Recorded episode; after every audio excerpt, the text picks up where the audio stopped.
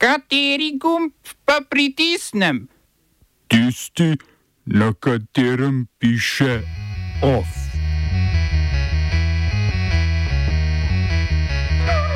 Evropski parlament izglasoval povečanje proizvodnje streljiva na milijon kosov letno. Sirske oblasti dovolile nadaljne delovanje humanitarnega koridorja Združenih narodov iz Turčije. Beduinska skupnost na okupiranem Zahodnem bregu zaradi terorja ilegalno prisiljenih Izraelcev prisiljena zapustiti svoje naselje. Za predsednika uprave RTV Slovenija izbran Zvezdan Martič.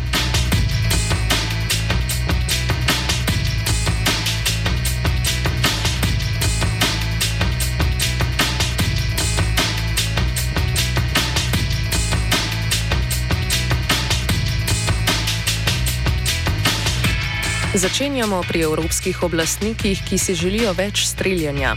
Evropski parlament je s 505 glasovi za potrdil načrt za povečanje proizvodnje streljiva na milijon kosov letno, ki ga bo sedaj moral potrditi še svet Evropske unije. Cilj 500 milijonov evrov vrednega projekta je povečanje proizvodne zmogljivosti in odprava pomankanja obrambnih proizvodov Evropske unije, zlasti raket in topniškega streljiva. Predvsem pa je njegov namen pospešitev dobave streljiva Ukrajini. Poslanci so se zavezali tudi, da za izvoz streljiva v Ukrajino ne bodo veljale izvozne omejitve.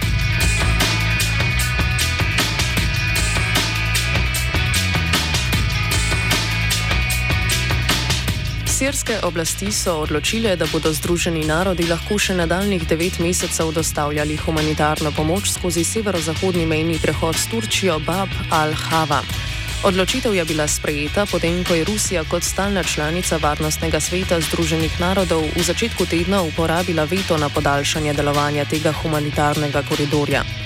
Humanitarna pomoč v Sirijo preko tega mejnega prehoda skozi Turčijo prihaja vse od leta 2014, ko je bila država sredi vojne proti islamski državi, dodatno pa se je okrepila februarja letos, ko je regijo prizadel potres. Bab al-Hava je sicer edini mejni prehod, skozi katerega lahko Združeni narodi dobavljajo humanitarno pomoč v regije, ki jih nadzorujejo uporniške skupine in ne sirska vlada. Obstoj humanitarnega koridorja gre na roko tudi Turčiji, ki financira in vojaško podpira uporniške džihadistične milice na severozahodu Sirije v njihovem boju proti kurdskim samoobrambnim milicam JPG.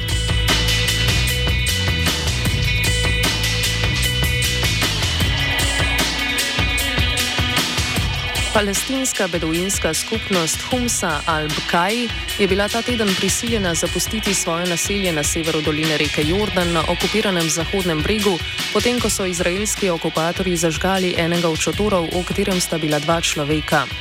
36 beduinov, od tega 20 otrok, se že nekaj časa upira izraelskim naseljencem, ki so prejšnji mesec v bližini postavili protizakonito naselje.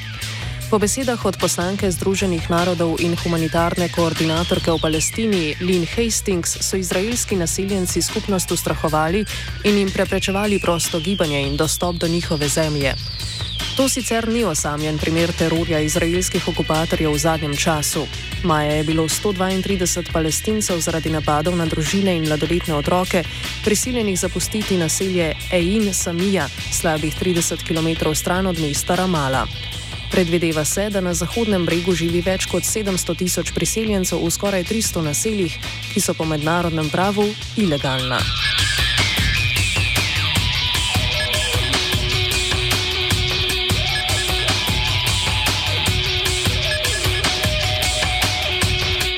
Združeni arabski emirati so v luči izboljšanja odnosov z Islamsko republiko Iran iz zapora izpustili 15 iranskih državljanov. Iransko zunanje ministrstvo je sporočilo, da je do te odločitve prišlo po pogovorih med iranskim zunanjem ministrom Hoseinom Amirjem Abdullahijanom in emiratskimi oblastmi.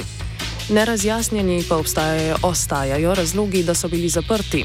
Že prej ta mesec sta nekatere iranske zapornike izpustile tudi Kuwait in Katar, kar je posledica sprememb v iranski diplomaciji v zadnjem obdobju, s katerimi skuša izboljšati svoje odnose z državami arabskega polotoka. Ključni korak temu je bil storjen aprila, ko je Islamska republika zopet vzpostavila diplomatske odnose s Saudovo Arabijo.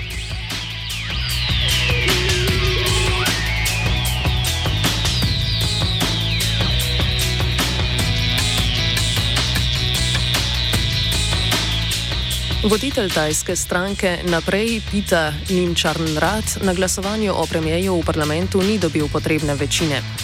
Njegova stranka je na majskih parlamentarnih volitvah dobila 151 sedežev, kar je sicer zadostovalo za oblikovanje koalicije iz osmih strank, ki zaseda 312 od 500 stolčkov v spodnjem domu parlamenta.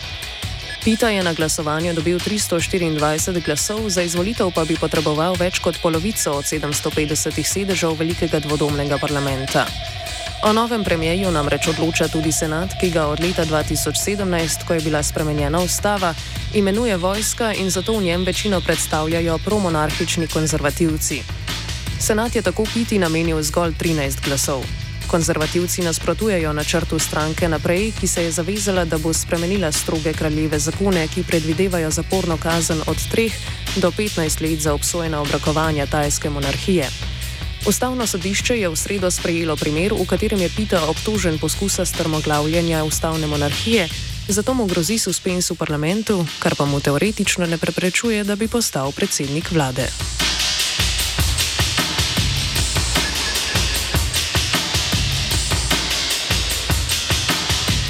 Kosovskem parlamentu so pele pesti. Pretep je izbruhnil, potem ko je opozicijski poslanec med govorom premijeja Albina Kurtija polil z vodo.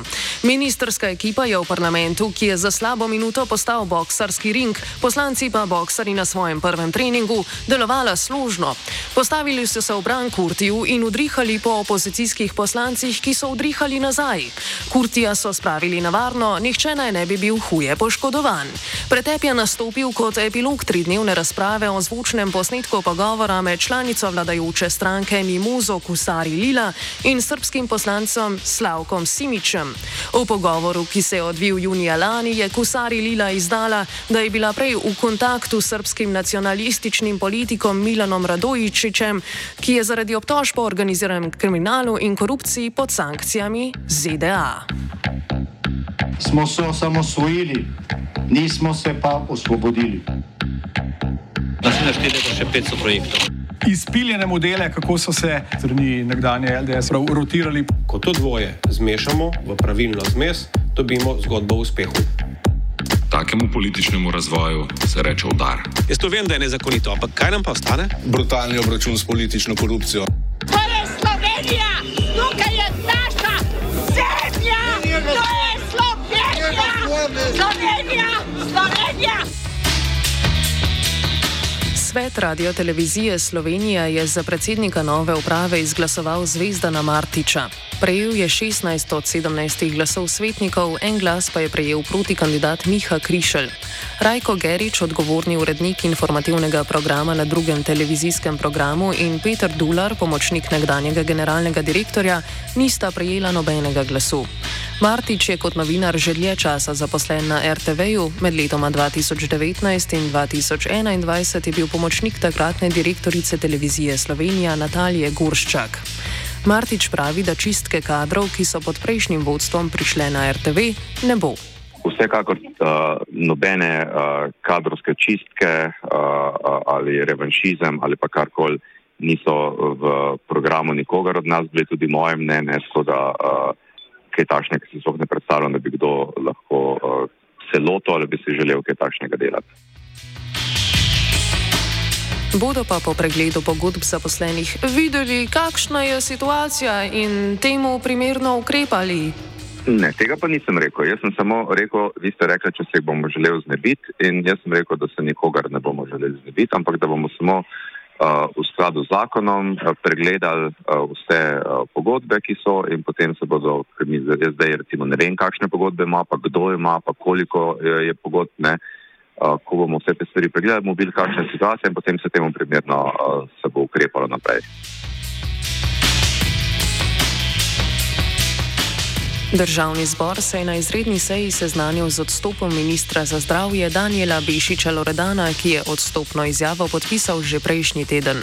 Njegovo funkcijo bo začasno opravljal premijer Robert Golob, ki je zatrdil, da zdravstvena reforma ostaja ključna prioriteta vlade.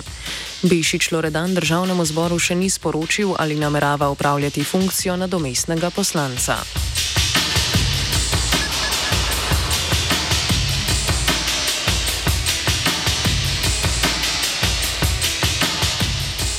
Je pripravil film.